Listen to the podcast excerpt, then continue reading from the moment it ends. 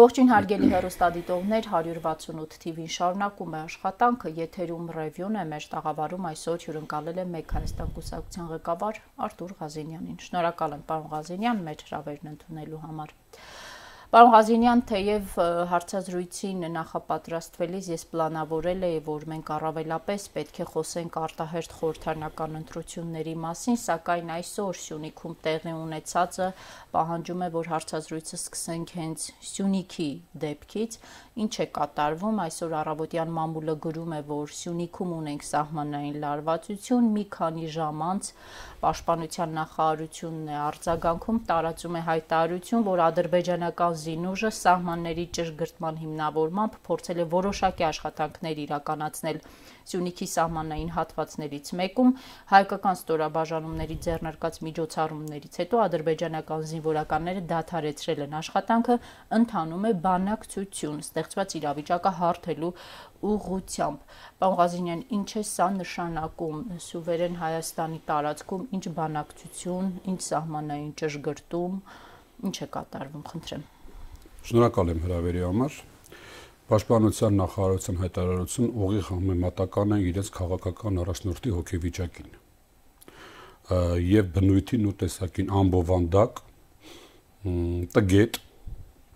անիմաստ եւ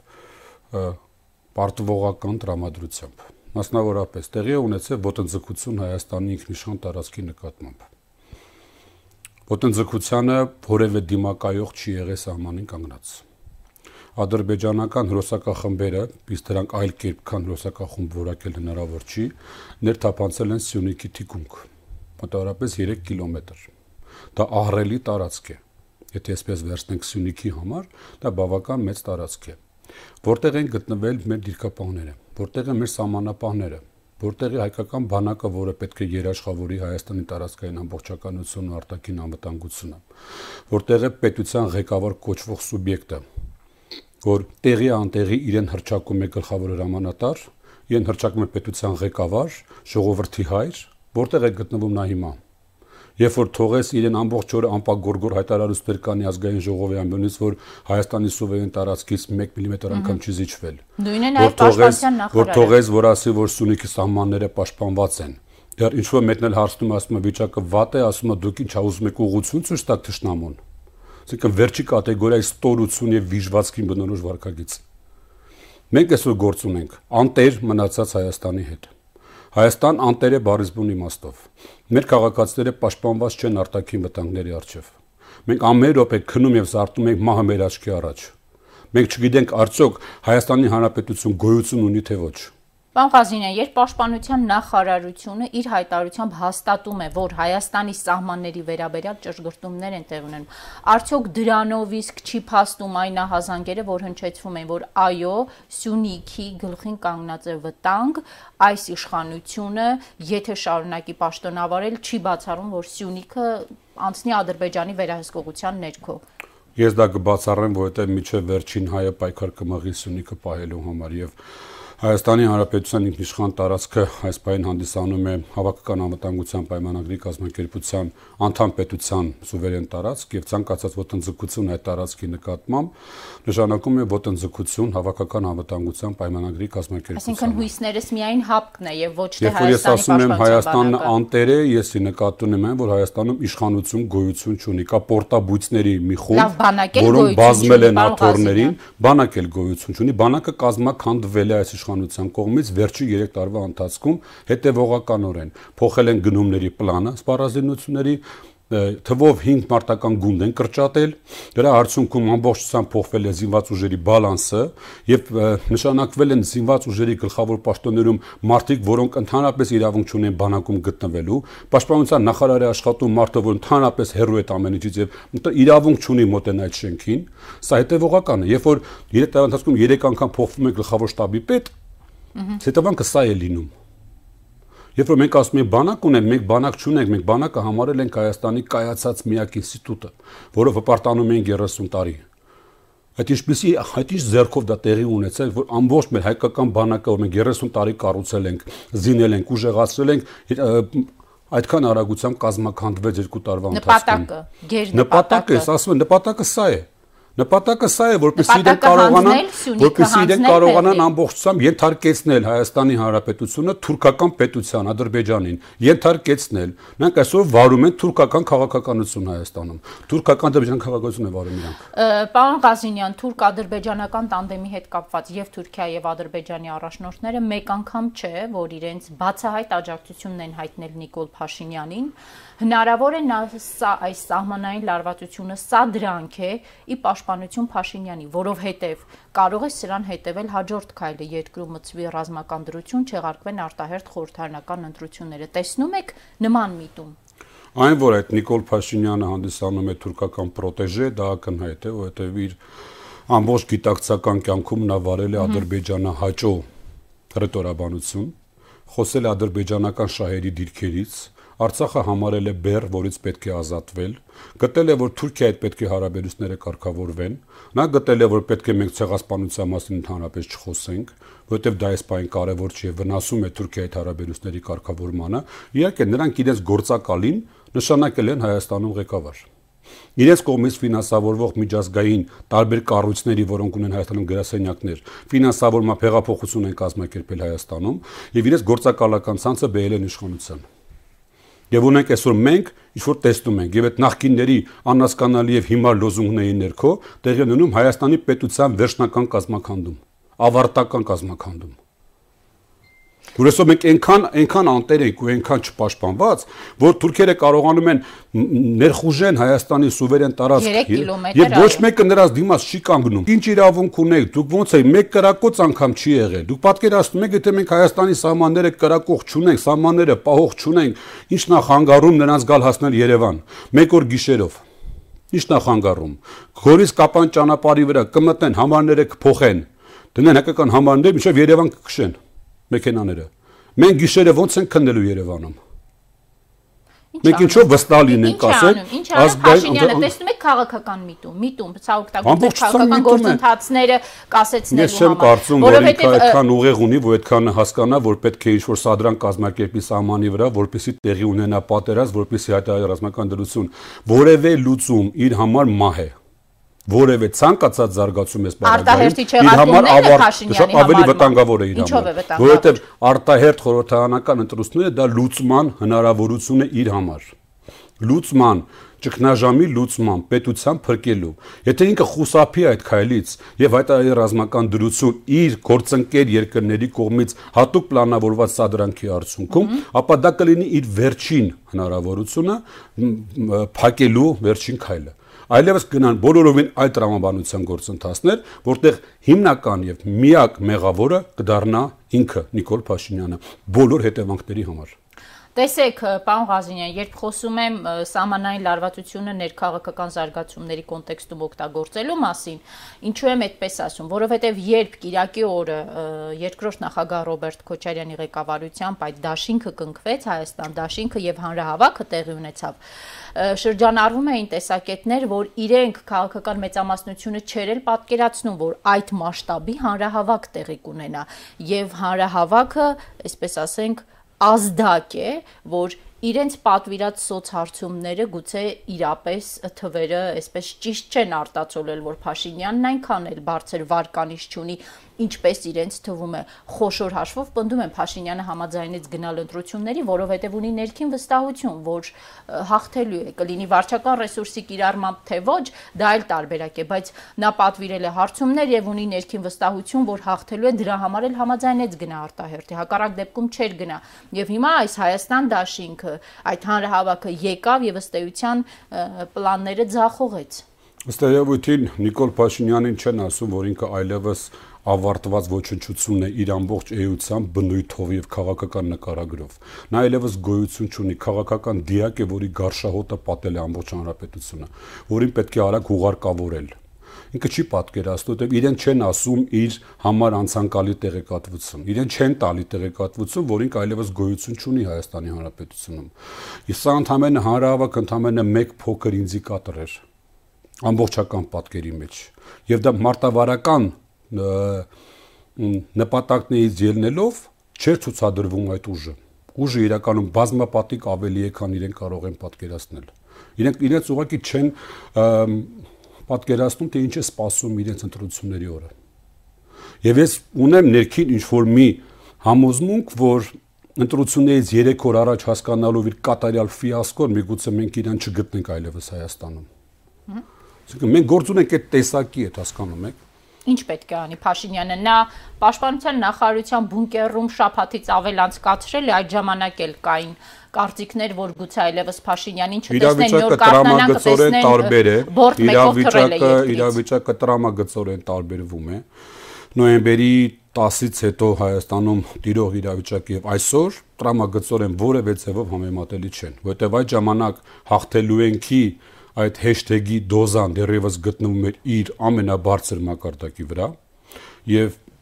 հանրային գիտակցությունը դեռ այդքան չէր զարթնել հասկանալու համար պետական դավաճանության մասշտաբներն ու ծավալները չէին հասկանում ինչ է կատարվում։ Վերջի մի քանի ամիսների ընթացքում մեզ հաջողվեց մեր հասարակության հետ հետևողական աշխատանքի արդյունքում ի ցույց դնել այն ամբողջ ողբերգությունը եւ դավաճանության այն ծավալները, որի արդյունքում եւ հետևանքով մենք ունեցանք այս ամենը ինչ որ մենք ունենք։ Հիմա բոլորովին այլ իրավիճակ է եւ ցանկացած հաջորդ քայլը ել ավելի վատացնելու իրենց Այսինքն եթե փորձի մտքով անցկացնել արտահերթը չեղարկելու որևէ տարբերակ, պայթուն տեղի ունենալու փողոցում Ես խորհուրդ եմ տալիս իրեն եւ եւ իր մյուս գործակալ ընկերներին, որպեսի չգնան նման արկածախնդրության, չգնան նման արկածախնդրության, ընտրություններն ամեն դեպքում պետք է անցկացվեն։ Իհարկե, տա Աստված, որ այս ամենը հարթվի շատ արագ, որպեսզի մենք կարողանանք խաղաղ պայման։ Իսկ եթե կլինի պատերազմ, եթե իրականում Հայաստանի անվտանգությանը սպառնալիք կլինի, ապա ոչ մեկս չենք լսելու թե ինչ է ասում այլևս Նիկոլ Փաշինյանը եւ իր բանակերամ կազմը։ Մենք ինքներս ենք մեկնելու առաջին գիծ պաշտպանելու մեր հայրենիքը այլևս մենք չենք ճանաչելու իրեն որպես ղեկավար։ Այդ ստախոս խափեբա կեղծարար մարդկանց մենք այլևս չենք համարելու մեզ որպես հրամանատար։ Սյունիքի սահմանային լարվածության հետ կապված մյուս քննարկվող տեսակետը, որքանի որ Փաշինյանի ընդդիմադիր ուժերը երկրորդ նախագահ, մյուս բլոկը Ադրբեջանում ընկալվում են իսկապես ազգային ուժեր եւ Ադրբեջանի ձեռնտու չէ այդ ուժերի իշխանության գալը, Գուցե նաև Ալիևը այս կերպ փորձում է ինչ զիջումներ պետք է ստանա ստանա միջև հունիսի 20-ը։ Այն ինչ որ տեղի ունեցել նոյեմբերի 9-ից հետո Հայաստանի պետական սահմանների հետ, դրանք առ ոչինչ են։ Իրավական որևէ ուժ չունեն։ Հայաստանի Հանրապետության օրենսդրությամբ պետական սահմանը սահմանվում է հատուկ սահմանված ընթացակարգով։ GPS սարք այդպեսին որպես գոյություն չունի մեր օրենսդրությամբ։ Ես չգիտեմ այդ GPS սարքը ում է պատկանում եւ այդ GPS-ը ում կողմից ներկայացված քարտեզներով է անում իր գծանշումը, բայց նման ընթացակարգ մեր օրենսդրությամբ սահմանված չէ։ Հետևաբար փաստ չի դա, դա իրավաբանորեն որևէ հիմք չունի, դա միջպետական պայմանագիր չի պետական սահմանը գծելու մասին, տեղի չի ունեցել դեմարկացիա, չի եղել դելիմիտացիա, դա արվում է միջազգային միջկառավարական հանձնաժողովի կողմից, երկու կողմից ներկայացված համապատասխան պաշտոնյաներով, որոնք դնում են իրենց ստորագրությունը, դրանց տակ տեղի ունեցել կամայական Հայաստանի ինքնիշխան տարածքի մեկ անձի որոշումով հանձնում Ադրբեջանը։ Այդ դեպքում եթե գաք իշխանության ինչ է կանելու նույնիսկ։ Քրեական հետապնդում անմիջապես նոյեմբերի 9-ի փաստաթղթի հետ ինչ է կանելու։ Նոյեմբերի 9-ի փաստաթղթը որևէ կապ չունի այն հետ ինչ որ ինչ որ այսպայն տեղի ունենում Սյունիքում։ Որևէ կապ չունի։ Նոյեմբերի 9-ին ստորագրված հայտարարությունով բոլորը մնում են իրենց տեղերում, այնտեղ որտեղ իրենք կան։ Այնուհետև հստակ սահմանված է այն տարածքները, որտեղից պետք է դուրս գա։ Հետևաբար հղում մի արեք դրա վրա։ Դա կապ չունի։ մնացել նոյեմբերի 9-ին ստորագրված փաստաթղթով, այո, պետք է զորքը կանգներ այնտեղ որտեղ էր, բայց չի մնացել նահանջել է դրանից հետո դրա համար պատասխանատվություն է կրում անձամբ Նիկոլ Փաշինյանը եւ իր կողմից ղեկավարվող ամբողջ հրամանատարական կազմը, որը ուղիղ պատասխանատու են այս ամեն ինչի համար, եւ երկրորդը որևէ իրավական հետևանք չի առաջացնում դա Հայաստանի Հանրապետության համար եւ Հայաստանի նոր իշխանությունը, որը կձևավորի ազգային եւ պետական շահի վրա, ամիջապես կզրոյացնի այն ամբողջ գործընթացը, որը տեղի է ունեցել այս վերջի 6 ամսվա ընթացքում։ Հայաստանի Հանրապետության ինքնիշխան տարածքը պետք է գտնվի Հայաստանի Հանրապետության կառավարության ըսկողության ներքո։ Այսինքն այն ռազմավարական դիրքերը, որը Փաշինյանը բանավոր պայմանավորվածությամբ հանձնել է Ադրբեջանին, եթե ձևավորվեց նոր իշխանություն, ի՞նչ անելու, եթե պահանջել։ Միանշանակ, ուրիշ բան չկա։ Այսինքն դրանք կամ մեկ ճանապարհ ուժեղացնել բանակը, բանակցային դիրքերը ամրապնդել, ձևավորել ամենակարևորը ազգային եւ պետական շահի վրա գործող կառավարություն, որը կներկայացնի Հայաստանի Հանրապետության ժողովրդի եւ պետության շահը եւ կգնա ամուր դիրքերից բանակցելու, դնելով կոնկրետ պայման անհապաղ դուրս գալ Հայաստանի ինքնիշխան տարածքից, անհապաղ։ Այնուհետև կստեղծվի միջկառավարական հանձնաժողով, եթե իհարկե բանը հասնի խաղաղության գնալու գնալու այդ վերջնական ելքին։ Իսկ եթե ոչ, ապա պատրաստ պետք է լինենք պաշտպանել մեր հայրենիքը։ Ցույց տվեց պատմությունը, որ եկեք Արցախը զիջենք հանգիստ ապրենք տարբերակը կենսունակ չի, որովհետև նրանց նպատակը Արցախը չէր։ Նրանք ելի եմ ասում պատրաստ են Արցախը մեզ նվիրեին հանուն մեղրու մի կտորի։ Նրանք պատրաստ էին դրան նույնիսկ։ Պատերազմ Արցախի համար չէր։ Պատահական չէր ընտրվել հարավային հատվածը հարավային ուղությունը։ Նրանց նպատակը Սյունիքի մեջ կբարակացնելն է, նրանց նպատակը Զանգեզուրն է, նրանց նպատակը Սյունիքն է։ Ուղեղ ունենք այդքանը հասկանալու համար։ Գիտակցություն ունենք հասկանալու համար, որ նրանց նպատակը Արցախը չի եղել, նպատակ եղել է Հայաստանի հարավը ամբողջությամբ։ Եվ հիմա իրան գնում են այդ ճանապարհով կհաջողի գնալ այդ ճանապարհով։ Մեկ երեք ադրբեջանական լրատվամիջոցները հրապարակել էին Ալիևը այցելել էր իր խոսքերով ասած Զանգեզուրի Միջանցքի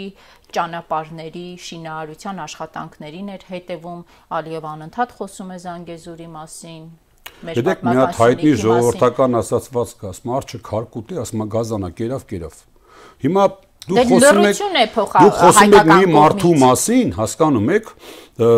ով իր ոչ մի որոշման մեջ չի եղել adekvat ինքը գործել է բացառապես իրեն տված հրամաններով։ Եվ մենք առնչվում ենք այդ որոշումների այսօր այսօր մեր փոխարեն որոշում է կայացնում։ Հիմա դուք ուզում եք որպեսզի ես կանխատեսեմ նրա հետագա գործողությունները։ Դու ինքը չի կանխատեսում իր հետագա գործողությունները, հասկանում եք դուք։ Հնարավոր չի կանխատեսել այս մարդու հոգեվիճակը 2 ժամ հետո։ Դա հնարավոր չի։ Իսկ քանի որ իր գործողությունների հիմքում դրված է հոգեվիճակը, Հետևաբար այլ բան ակնկալել, քան ինքը այդ պայն ինչ կցանկանա, հնարավոր չէ։ Նորմալ դեպքում հիմա պետության ղեկավարը հանդես գար ուղերձով կներկայացնել իրավիճակը, հրամաններ կարձակեր պաշտպանության նախարարություն, գլխավոր շտաբ, այդ մարդուն նշանակեցին նորից էլի գլխավոր շտաբի պետ խոնար հարսիկի դեմքով մարդուն, այդ մարդ ընդհանրապես որևէ կապ չունի բանակի հետ։ Եվ ըստ բանակի մասնագետների հիմնական մեղավորն ու պատասխանատուն է բանակի կազմակերպման համար։ Այդ մարդուն նորից նշանակել են գլխավոր շտաբի պետ։ Նրան ենք վստահել այսօր մեր երեխեքի անվտանգությունը, հա։ Մենք նրան ենք թողել մեր սահմանների պաշտպանությունը։ Երբ որ ելի եմ ասում, կարող են դիվերսիոն խմբերը ներթափանցել Հայաստան, Երևանի կենտրոնում իրականացնել դիվերսիոն ահաբեկչական եւ հեռանան։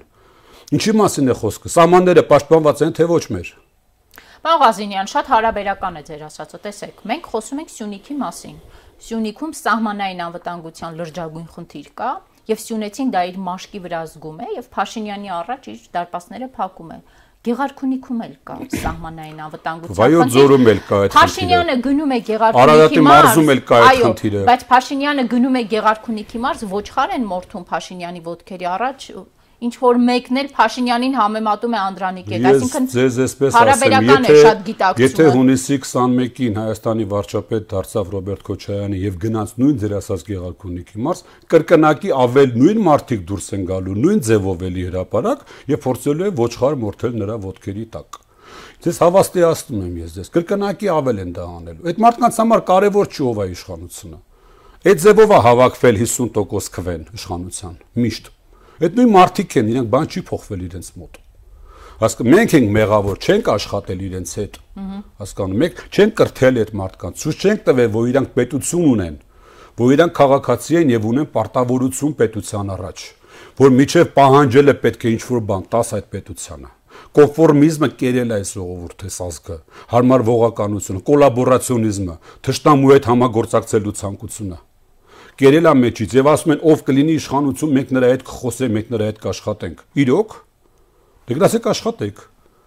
Դե սպասում եմ իջև գա հասնի իրենց տուն, որ նորից էլի ասե դե, դե Նիկոլն ինչ անի, դե Նիկոլն ինչ անի, նախկինները ինչ որ բան էին արել։ Ավելի մտավոր հետամնացի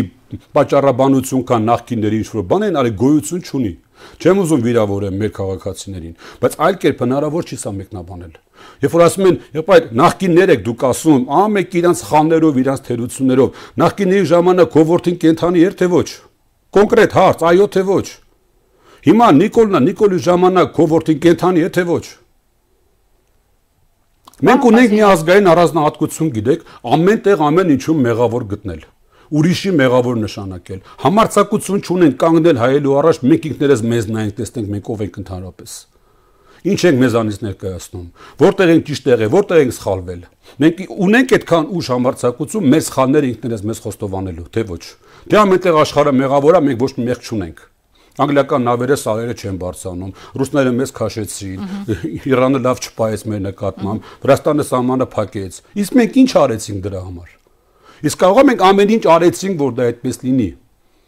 Հիմա ասում են, ինչի Ռուսաստանը չի պաշտպանում Հայաստանի շահը։ Իսկ որտեղ է գրած, որ պետքա պաշտպանի, երբ որ ինքը դու չես պաշտպանում քո շահը։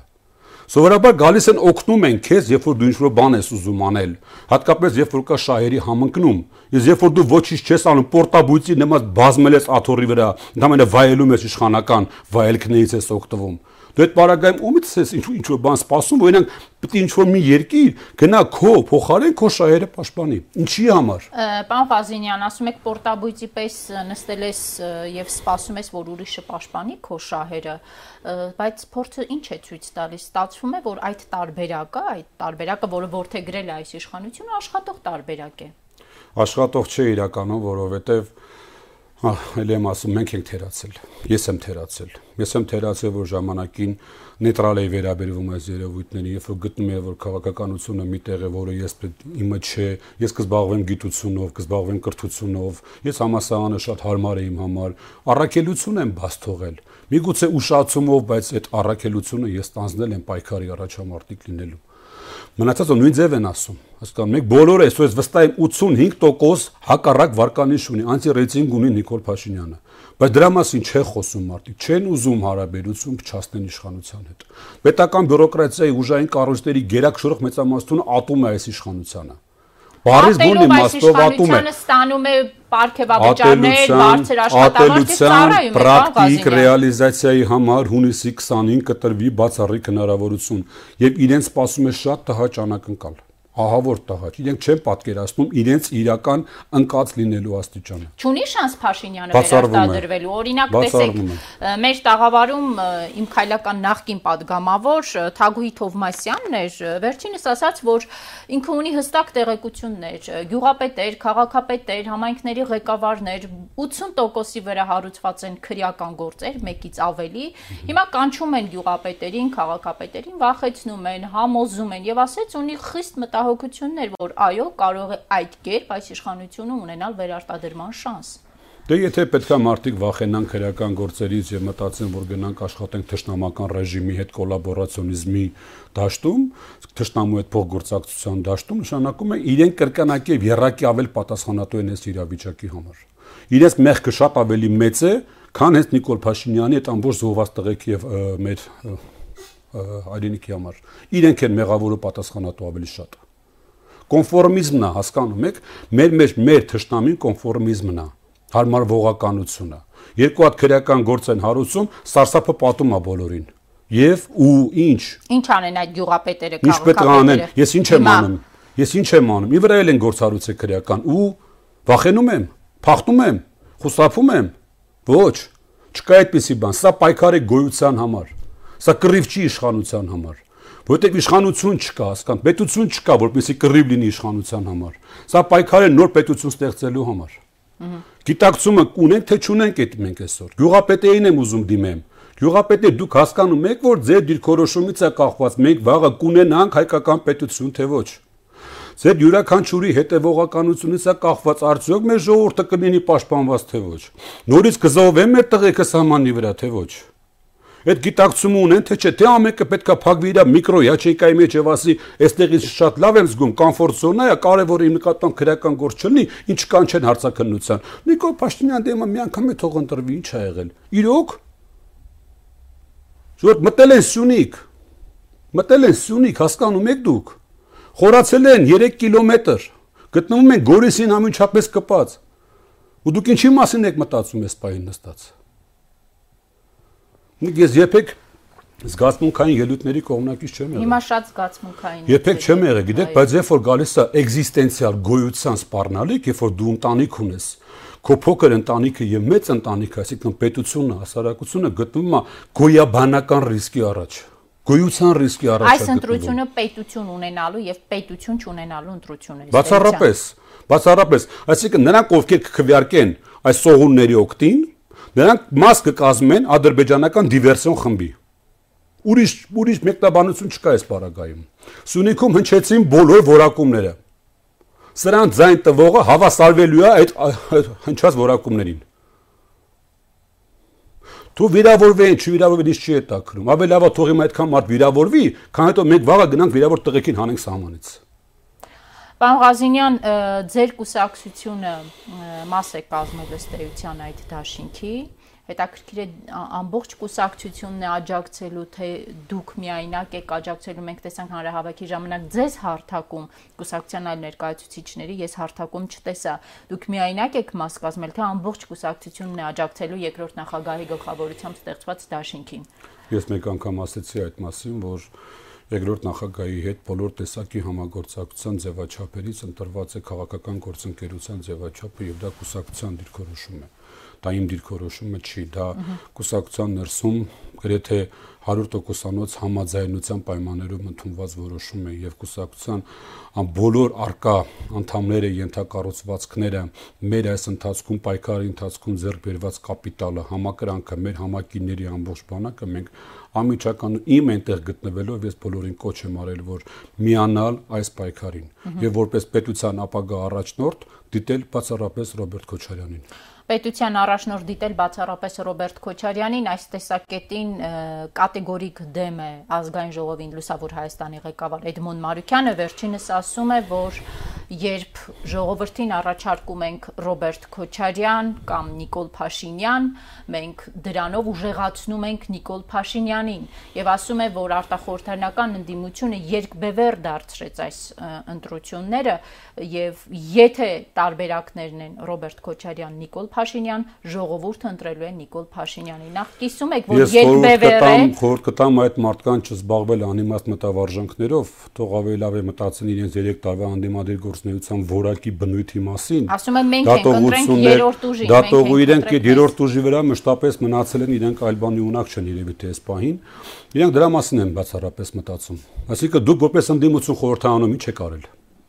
պետական դավաճանին կոչել եք պարոն վարչապետ, ինչ եք արել։ Դա մի կողմ դրած, ասում են ամեն ունեցել եմ 1 падգամավորական մանդատ, մեկս դարձրել եմ 7, այնքան լավ եմ աշխատել ժողովուրդը ինձ քվե է տվել, ոչ ժամանակի 16 թե 18։ Դա բոնուսով։ Մեկը դարձրել եմ 7, ասում են ինձ ընտրեք, ոչ թե ընտրեք այդ երկուսից մեկը։ Թող կորոշի դա իր խնդիրն է, իհարկե սովորաբար չեմ սիրում որևէ որևէ դիմադիր ուժի ինչ որ ձև որակում տալ, բայց Ես դիտարկենք այսպես էլի հաճախ են հնչում թե ովքեր են կեղծ ընդդիմություն, ովքեր իրական ընդդիմություն։ Ձեզ այսպես մի պարզ ֆորմուլա առաջարկեմ, որ ընդդիմադիր իրեն ընդդիմադիր հրճակած ուժը կխոսի, կօգտագործի երկու բառ՝ նախքին եւ թալան, համարեք լատենտ Նիկոլ Փաշինյանի կոալիցիոն գործընկեր ով կօգտագործի նախքին եւ թալան տերմինները, նրանք ուղիղ համեմատական են Նիկոլ Փաշինյանի քաղաքական գծին։ Ուրիշ ուրիշ բնորոշում չկա այս բaragայում այդ կեղծ պոստուլատները, որոնցով որ իրենք կարողացել են մարդկանց թունավորել, թալանը ուրա թալանը։ Մեկ դեպք ապացուցվեց թալանը թե չէ չկա, չէ։ Այդ թալանված բանակը հունիսին parzվեց ամենամարտունակներ։ Օգոստոսին հրճակեցին ռեգիոնում իրավիճակ փոխող։ 70-ից ավելի շքան։ Այդքան, ասենք, այդքան հերոսներ եղան, մարտական խաչով տվեցի շնորհեցին։ Այսինքն ինչ ստացվեց, որ մենք ունեցել ենք այդ բանակը օգոստոսին 1 ամիս առաջ պատերազմից ունեցել ենք պարծենալու ենթակա բանակ։ Եվ հանկարծակի նոյեմբերի 9-ին ստացվում է, որ բանակը ամբողջությամբ թալանված է եղել։ Դե ստախոսության մասշտաբը պատկերացնում եք կեղծարարի խափեբա այսինքն ընտրողին նաև հստակ ուղերձ ենք տալիս. Եթե օգտագործում է որևէ դիմադիր ուժ այդ ձևակերպումները եթե այդ երկու բառը օգտագործեց անմիջապես համարեք որ իրենք Նիկոլ Փաշինյանի ապագա կոալիցիոն գործընկերներն են եւ որպես ամփոփում պարոն Ղազինյան հունիսի 20-ին մեզ ինչ է սպասվում? Մեզ սպասվում է ճակատագրական վերջնական վճռական որոշում, վճռական հարվածը թուրքական պրոտեկտորատին այսինքն իշխանություններին Հայաստանի կործանվել ավարտական եւ վերջնական։ Մենք պետք է վերգտնենք մեր ազգային արժանապատվությունը,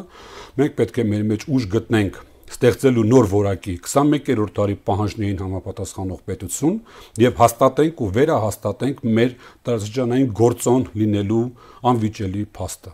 ինչը վերջի 3 տարվա ընթացքում մեր մեղքով, մեր սեփական ձեռքերով պատուհասը մեր տուն բերելով մենք ամենք դա ուղակի կորցրեցինք։ Բայց հունիսի 20-ին մենք ունենալու ենք հաղթանակ։ Մենք ունենալու ենք բացարձակ հաղթանակ։ Հայկական պետությունը հաղթելու է։ Շնորհակալ եմ, պարոն Ղազին։ Ես էլ եմ շնորհակալ։ Հարգելի հեռուստադիտողներ, հիշեցնեմ, որ 168 TV եթերում ես զրուցում եի Մեկ Հայաստան կուսակցության ղեկավար Արտուր Ղազինյանի հետ։ Ցտեսություն։